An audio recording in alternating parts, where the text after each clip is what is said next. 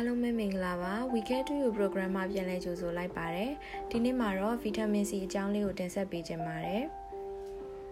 ascorbic acid လို့ခေါ်တဲ့ vitamin C ဟာလူခန္ဓာကိုယ်အတွက်များစွာအကျိုးပြုပါတယ်။ကိုယ်ကန်စွမ်းအားကောင်းမွန်စေခြင်း၊နှလုံးရောဂါ၊သွေးတိုးရောဂါနဲ့နာတာရှည်ရောဂါများဖြစ်ပွားနိုင်ခြင်းကိုလျှော့ချပေးခြင်း၊မှတ်ဉာဏ်စွမ်းအားကောင်းမွန်စေခြင်း၊အဆင့်မြင့်နာကျင်ခြင်းများကိုသက်သာစေခြင်း၊စိတ်ဖိစီးမှုလျော့နည်းစေခြင်းစတဲ့ကောင်းကျိုးတွေများစွာရှိပါတယ်။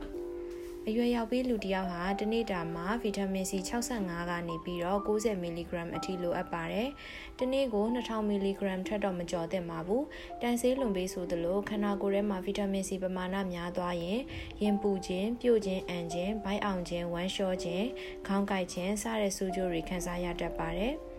ခန္ဓာကိုယ်ကဗီတာမင် C ကိုမထုတ်လုပ်နိုင်တဲ့အတွက်အစားအစာတွေမှတဆင့်တော်၎င်းဗီတာမင် C ဖြည့်ဆွက်ဆေးပြားမှများမှတော်၎င်းဗီတာမင် C ကိုရရှိနိုင်ပါတယ်။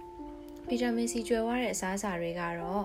မာလကာသည်တင်မော်သည်မဲ့စထရောဘယ်ရီသည်တံပီယိုသည်လိုက်ချီသည်နနက်သည်တလဲသည်ဖရဲသည်တို့နဲ့ဟင်းသီးဟင်းရွက်များထဲမှာဆိုရင်တော့မုံလာရွက်ဂေါ်ဘီတို့ဒန်ဒလိုရွက်ချက်ဟင်းငါးသည်တရုတ်နနန်ပန်းကော်ဘီမုံလာဥဟင်းနုနယ်ရုံးပရီသည်ဆက်လက်ရွက်တင်မော်သည်စိန်ခရမ်းကျင်သည်ပန်းစိန်စတာတွေပဲဖြစ်ပါတယ်ရှင်။